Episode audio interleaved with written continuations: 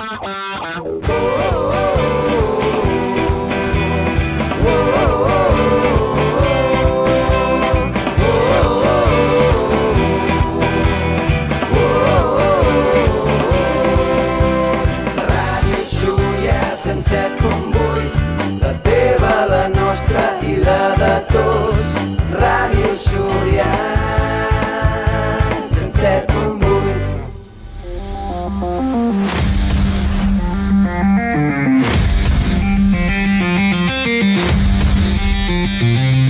Recorda, cada dilluns de 7 i mitja a 9 del vespre tens una cita esportiva amb Súria Esports.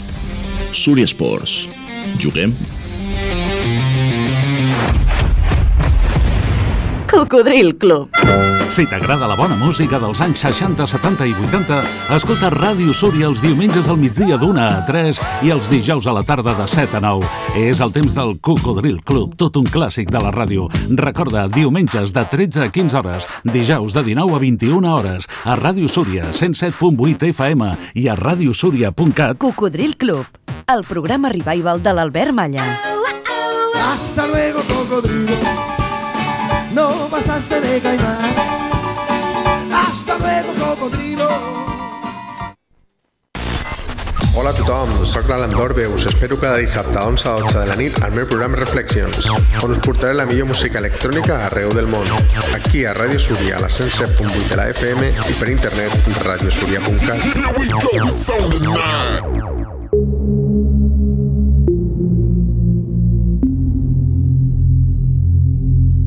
I recorda, Cada divendres a Ràdio Súria, Fórmula Gian, de 7 de la tarda a 9 del vespre. amb el gran Àngel Gian.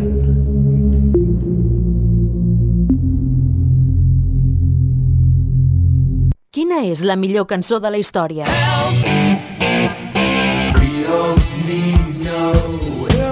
Descobreixo a Rock and Classics. A Rock and Classics podràs fer un autèntic viatge en el temps i redescobrir els grans èxits de cada dècada, els millors discos, les cançons més famoses, la història dels artistes més emblemàtics amb referència al context social de cada època. Sau, ACDC, Beatles, Police, Loquillo, Bob Dylan, tots els estils més punxats s'uneixen a Rock and Classics. T'espero els divendres, a les 10 de la nit, a Ràdio Súria. Rock and Classics, amb Esteve Llop.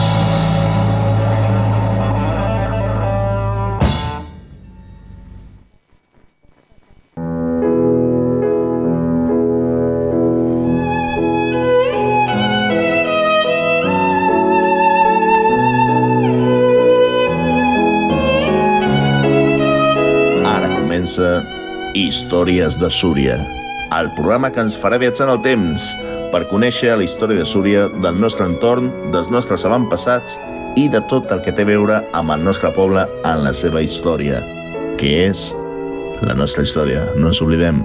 Dirigit per l'Àngel Gian, copresentat per Robert Fàbrega i l'Àngel Gian. Basat en l'arxiu històric del gran escriptor de Súria, el gran Albert Fàbrega Enfedaki.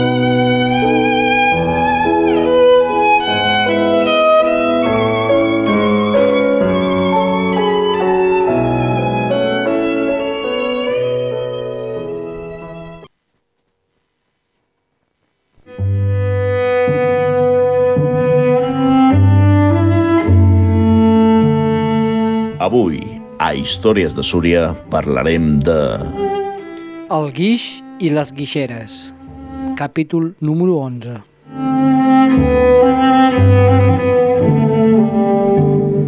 Molt bona tarda, Albert, què tal, com estàs? Hola, bona tarda, bé, vosaltres? Com va tot? Com va, Bé. com va la setmana? Bé, bé, bé. Disfrutant de la vida? Sí, home, sí, disfrutant-me, sobrevisquent a vegades. Sobrevisquet, no? Ja està bé, ja està bé. Lo bo és tindre salut, disfrutar i fent feinetes que tu ara darrerament no pares, no? Bueno, Eh, s'ha complicat eh, la cosa, sí. D'aquí cap allà, d'aquí cap allà i, bueno, mentre pugui fer-ho i disfrutis i tu, i tu passis bé, benvingut mientras, sigui. Mientras el cuerpo aguante, Vamos a darle caña. és... Uh, avui capítol 11 de Històries de Súria. Avui parlarem del guix i les guixeres. Què és això? Bé, a veure, el primer potser que hem d'intentar distingir una mica per eh, temes, diguem, del relat de- d'avui és diferenciar entre guix, guixaires i guixeres. És dir, guix com a mineral, com a producte, eh, amb diferents usos, guixaires, doncs, com les persones que el- elaboraven el, el guix, que el fabricaven, i les guixeres, doncs, els espais, els llocs, eh, amb els forns on es cuia el guix. Dic això perquè les notícies documentals no coincideixen amb, amb els tres termes, no? Eh, abans d'entrar, diguem, una mica en aquesta, el que seria, doncs, amb, amb les dades bàsiques sobre eh, la presència i l'explotació del guix a Súria, potser eh, és bo dir de cara doncs, als qui ens escolten molts ho sabran i això que diré ara segurament hauria de ser un geòleg que ho explicaria molt millor que jo però és dir, eh, hi ha dues o tres coses així com bàsiques que convé de, de saber no? primer, el guix va associat amb la sal, és a dir, són eh, tant una cosa com l'altra, són eh, sediments no, de- d'antics eh, mars, d'aigües estancades que s'han dipositat quan, quan s'ha evaporat l'aigua a tot arreu, eh? sempre el guix sempre ha anat associat amb la sal. De fet, mm, a vegades per localitzar la presència de sal s'ha basat en la presència de guix, justament. La segona cosa és que tot i que van eh, associats a la seva presència, perquè formen part diguem, del mateix procés de formació, en realitat el guix és més dens que la sal, per tant quan sedimenta i es diposita en principi s'ha de dipositar sota de la sal, és a dir, que eh, el guix, diguem, d'entrada ha d'estar més fondo que la sal. Llavors això dona lloc a una qüestió que, per exemple, aquí Súria passa claríssimament, que és el fet de que aquí Súria els afloraments de guix estan excepte potser a la zona del Salí, en els altres llocs estan els afloraments de guix per sobre de la sal. Llavors, què és el que ha passat aquí? Això és el que els geòlegs en diuen guix secundari, és a dir, eh, així a grans trets, sembla ser que el que passa és que quan es, de, es dipositen els sediments, doncs primer es diposita el guix, després la sal, però llavors una sèrie, sobretot moviments tectònics de, de la Terra, doncs fan que eh, aquest guix es vagi enfonsant, es deshidrati, és a dir, perdi l'aigua, que de fet la deshidratació és el que es farà després en les cuites quan es feien els forns, perdi l'aigua, es converteixi en el que se'n diu l'anhidrita, eh? però després aquests moviments mm, tectònics fan, com un procés invers, fan que torni a aflorar eh, el guix eh, a la superfície, per això seria guix secundari, perquè ja havia sortit, diguem, una vegada, per dir-ho així, per entendre'ns, ha desaparegut, i després torna a aflorar, i llavors aquesta segona vegada aflora per sobre de la sal. Per això, doncs, aquí Súria eh, el guix apareix pràcticament quasi bé en superfície en la majoria de llocs on aflora per damunt de la sal. Bé, el punt important de totes maneres és que la presència de guix doncs, va associada sempre amb la presència de sal. Dit això, la primera notícia que tenim sobre guix a Súria és del 30 de novembre de l'any 1379, quan hi ha una venda d'una certa quantitat important de guix, eh? de guix ja estem parlant ara ja no del, del mineral, sinó del guix cuit, el que s'usarà, que s'ha usat sempre, el que se segueix utilitzant doncs, en la construcció, una venda important de guix eh, per eh, unes reparacions de molins a, a Pala de Torroella. Mm? Aquesta és la primera notícia. A partir d'aquest moment doncs, també comencen a somintejar les notícies eh, de vendes, de vendes de guix eh, per part doncs, de pagesos en general, pagesos de Súria. Això pel que fa al guix. Pel que fa als topònims i a el que serien els llocs eh, en què s'ha conservat el nom a la toponímia de a llocs d'elaboració de guix o de presència de guix, eh, la primera notícia és de l'any 1495, quan es parla d'unes terres anomenades els guixars. Aquests guixars mm, havien de ser, segons la notícia, a la banda de Costa Freda, la zona entre Costa Freda i Mas Pujol. No? El curiós d'aquesta notícia és que el document en què apareix ni l'amo de Costa Freda ni el de Mas Pujol, que seria la seva zona, no saben ja ni tan sols on eren o on són aquests suposats guixars. Diuen que bueno, surten per allà però que no tenen ni idea d'on són. No? Uh, a partir d'aquí, um, ja com dic, um, sovintegen les notícies amb el guix, també s'ha de dir que és un producte um, que no és car d'elaborar i la seva venda es venia molt barat. De fet, en totes les notícies, per exemple, és més car el transport del guix que no pas la fabricació. És a dir, sovint moltes notícies donen dos preus, no? Un preu a peu de fàbrica que diuen, és dir, si el, si el qui el compra el va buscar al peu del forn o si se li ha de transportar. Eh, llavors és molt més car, evidentment, però fins i tot el preu del transport és superior al preu de fabricació. No? Eh, bé, a partir d'aquests moments apareixen molt sovint notícies sobre el guix, però l'altra notícia eh, important eh, és que a partir eh, de finals del segle XVI, eh, eh, cap al 1590 i sobretot ja en el segle XVII, surten, ja es documenten molts guixers professionals a Súria. És a dir, guixers professionals vol dir persones que es dediquen, si no exclusivament, com, si almenys com a la seva primera ocupació, en la fabricació del guix. Això és significatiu perquè en la majoria de documents, per exemple, la majoria de totes aquestes documentacions provenen de, de documents notarials, no? d'arxius de, de protocols notarials. En la majoria de documents la gent se'ls esmenta com a pagesos, és sempre són pagesos, no? Fulanito tal, agrícola, pagès, etc. Que podien en els primers anys fer guix com, diguem, una activitat secundària, com un complement, però que la seva activitat principal era doncs, la, la pagesia, no? l'agricultura la, i la ramaderia. Però a partir del segle eh, XVI ja els documents comencen a parlar de fulanito de tal guixaire, o sigui, no hi ha pagès, sinó guixaire, és a dir, se l'esmenta ja com que és la seva, la seva feina essencial. Eh, és també en aquells moments, eh, en el segle, eh, concretament l'any 1607, quan trobem per primera vegada documentat el topònim del torrent de la Guixera, que encara existeix actualment, que és el torrent que baixa de les Guixeres, que creua la carretera de Manresa, més o menys a l'alçada, una miqueta després en direcció a Manresa, del mural aquest que fa uns mesos doncs, va, va pintar ICL quan van arreglar el camí aquest de Fustaret, no? doncs un trosset més avall que travessa un torrent, aquell és el torrent de la Guixera, està documentat ja des del 1607. A partir d'aquell moment doncs trobem notícies a la partida de les guixeres, ja fent referència doncs, a les guixeres d'aquí de, doncs, de, de la zona de Masvilella. No?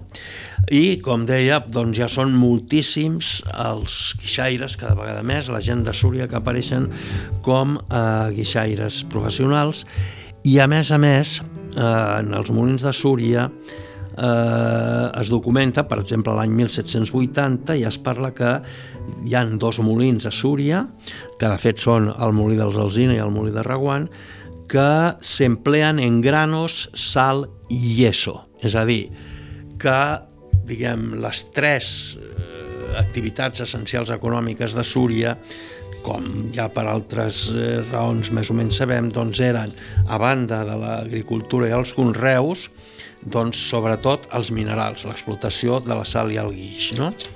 De fet, eh, l'any 1831, en una obra que es diu Catalunya en la mano, que és més o menys una descripció de, dels diferents pobles i municipis, doncs, habitants, nombre de veïns, d'habitants, etc. dades, diguem, el que ara serien dades estadístiques, no? Una petita d'allò. En aquesta obra només s'esmenten quatre jaciments de guix a Catalunya, on s'exploti el guix, no? I dels quatre, un dels quatre és a Súria, eh? on hi havia fàbriques de guix. Uh, probablement a l'època àlgida de, de l'explotació de guix a Súria sigui a finals del segle XIX. Mm, diguem que estirant una mica, eh, diguem entre 1850 i apurant molt el 1930, 1940 abans de la, de la Guerra Civil. No?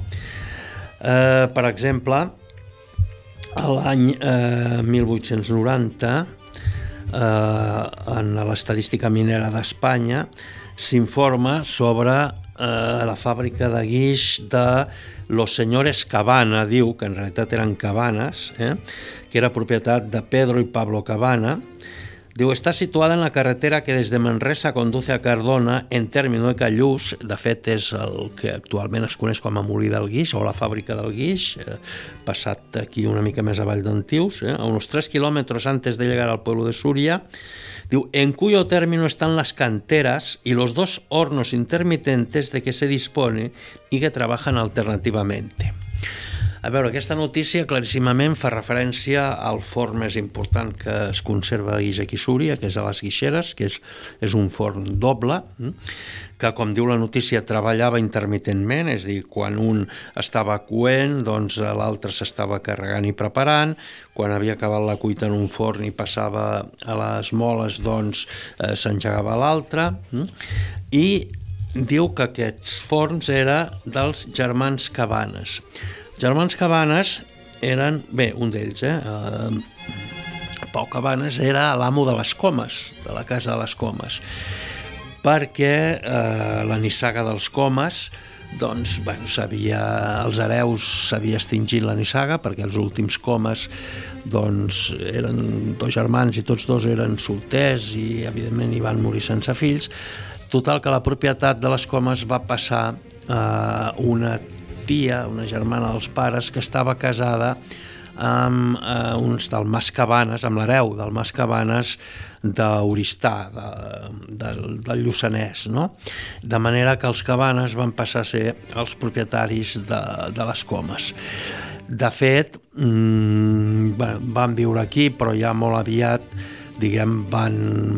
La seva residència era la casa pairal d'Oristà, del Mas Cabanes, de fet, doncs, eh, per exemple, a les Comes hi ha una petita capella eh, dedicada a Sant Joan que tenia un petit retaule barroc que es conserva, però aquest retaule doncs, el van traslladar de les Comes a la casa d'Oristà, a la capella d'Oristà, on encara es troba aquest retaule. No?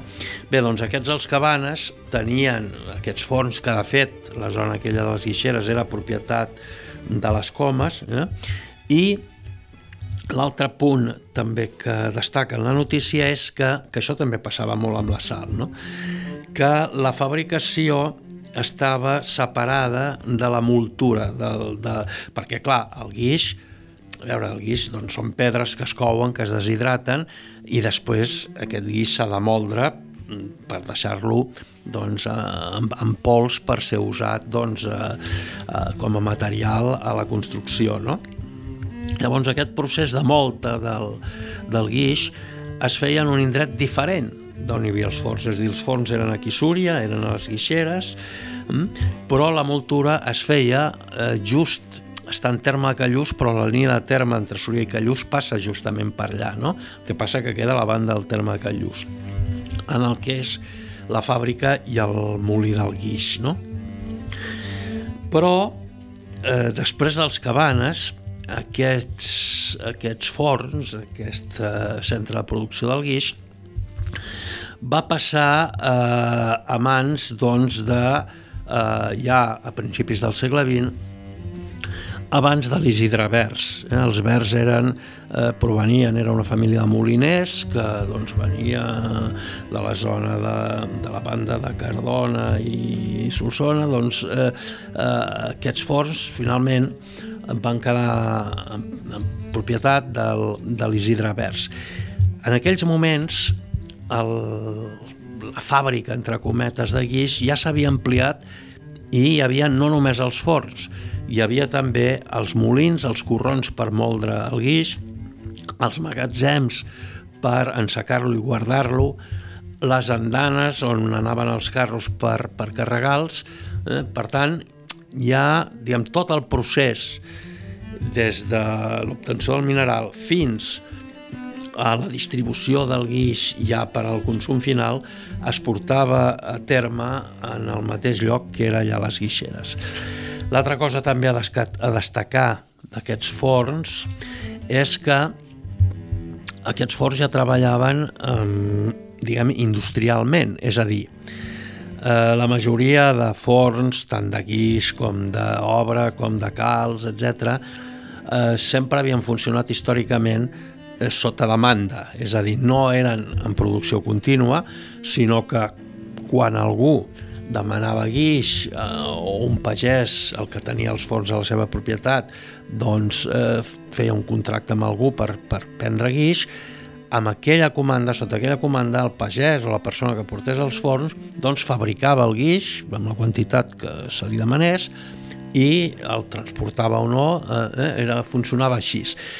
Aquests forns ja tant dels cabanes com d'alberts ja no funcionen així, o sigui, funcionen amb el concepte actual d'indústria, és dir, que és producció contínua, que és la fabricació, diguem, independent de la distribució i venda, no? és a dir, s'està produint de manera contínua i després doncs, es distribueix a eh, cases de comerç que són els que el posaran a la venda, en fi, tal com coneixem ara tot el sistema, diguem, el sistema de funcionament econòmic actual. No? Eh, Bé, també eh, dir que des de bastant, que sabem que a les pedreres d'aquests forns eh, s'utilitzava la pólvora, la pólvora per arrencar les, les pedres des de molt aviat. És dir, la pólvora en, en treballs miners es comença a utilitzar Bé, depèn dels llocs, eh? però eh, cap a finals del segle XVI, eh? principis del XVII, d'una manera mm, universal o sistemàtica. No? Doncs bé, aquí s'utilitzava pólvora perquè tenim notícies eh, a principis del segle XIX de robatoris de pólvora a les guixeres de Súria. No? I també, a part dels forns, s'han conservat restes del que eh, gairebé amb tota seguretat eren polvorins que eren els espais doncs, on es emmagatzemava la pólvora no? que es feia servir després eh, per arrencar el mineral. Eh, bé, mm, dues coses més, una mica, eh, diguem, respecte al guix, per, diguem, una mica tancar el cercle tal com començàvem, característiques del guix. La primera és que eh, sempre, i jo sóc el primer que sempre havia pensat així, eh, se tenia, es tenia el guix com per un element eh, quan, com a material aglomerant en construcció que no servia com a aglomerant, és dir, és un material doncs, per enguixar les parets, per lluïments, per tal, però que no és un material resistent doncs, per suportar una estructura o per, o per lligar els maons. Bueno, doncs això sembla ser que no és així, perquè Eh, hi ha actualment diverses universitats espanyoles que estan treballant tot aquest tema i que han demostrat doncs, que el guix pot ser un material aglutinant, aglutinant i aglomerant tan resistent no tant com la calç, però molt resistent i que es pot usar per estructures. Per exemple, se sap doncs, que, per exemple, per la zona de Terol, hi ha esglésies en què eh, el, el ciment, per entendre'ns, que lliga les pedres, doncs és guix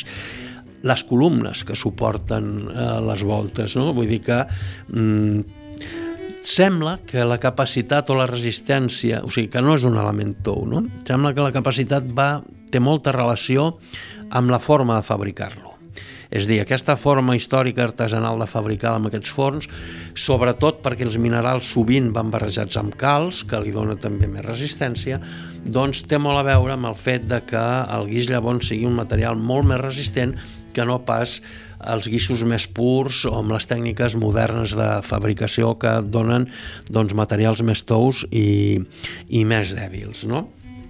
Eh, per tant, aquesta és una curiositat. L'altra, que també és poc coneguda és que el guix és un material, ara en terminologia actual, reutilitzable i reciclable. És a dir, a partir, per exemple, suposem ara una casa que s'ensorra o que es tira amb ruïnes o el que sigui, no? El guix de les parets es pot recuperar, agafar-lo, tornar-lo a deshidratar, tornar-lo a coure i torna a ser utilitzable. Una altra cosa és que això sigui rendible industrialment, no? Però això no passa doncs, amb el ciment o la calç, no? és l'únic material perquè, de fet, el que es fa bàsicament simplement és del mineral en els forns es deshidrata, és a dir, se li treu l'aigua, eh, es mol, quan arriba el palet, el constructor, doncs, per utilitzar-lo el torna a hidratar, és a dir, fa la pasta i tal, l'hidrata, li torna a posar l'aigua, l'utilitza, per tant, diguem, s'ha revertit el procés i aquest procés és reversible, o sigui, tu el pots agafar, tornar-lo a deshidratar i tornar-lo a fer servir. I en aquest sentit, també, i amb això doncs, ja també anem acabant, eh, és un material molt fàcil d'elaborar perquè el guix es deshidrata a una temperatura molt baixa, és a dir, a uns 200 graus ja es deshidrata. De fet, es pot deshidratar a la cuina de casa amb una paella. És dir, eh, de fet, molts pagesos, antigament, quan havien de fer petites reparacions a casa, doncs anaven, agafaven unes quantes pedrotes de guix, eh, les matxacaven una mica, les posaven a la paella, les deshidrataven i ja tenien guix per fer, doncs, jo què sé, per tapar un forat, per fer un remendo a la casa. No? Per tant, és molt fàcil, no com la calç, que eh, per deshidratar-les necessiten temperatures de gairebé 2.000 graus, o sigui, es necessita ja una cosa molt més, molt més potent, no?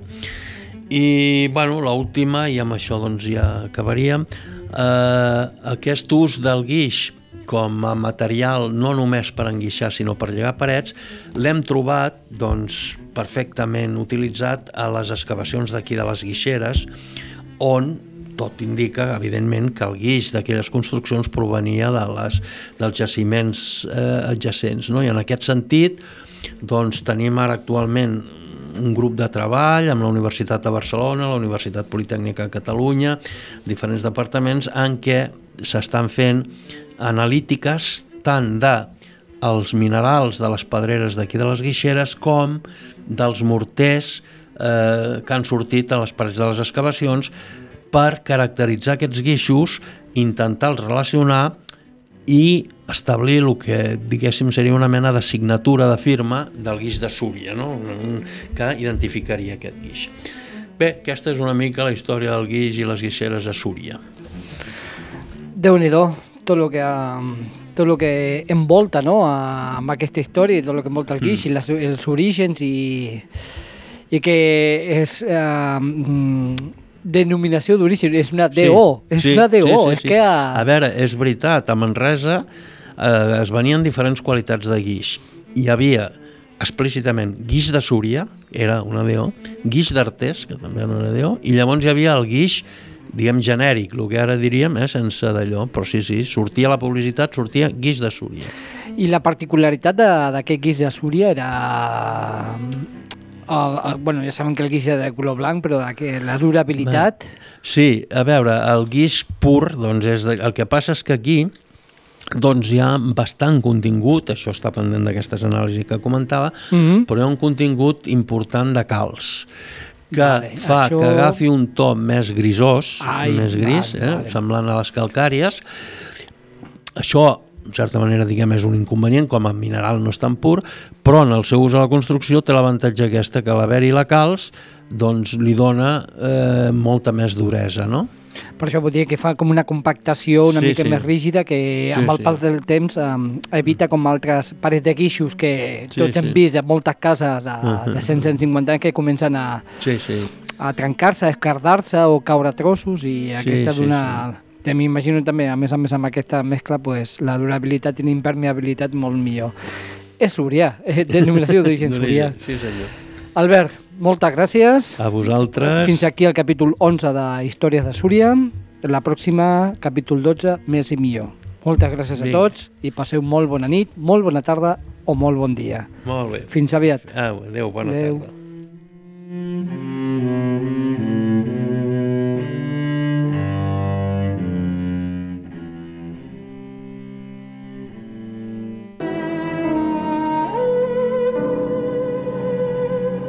Fins aquí, Històries de Súria.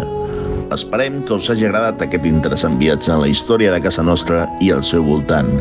Tornem la propera setmana amb més històries per explicar-vos.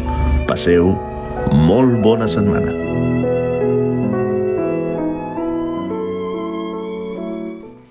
Això és Ràdio Súria. Ens pots sentir per la 107.8 de la FM o per internet a radiosúria.cat.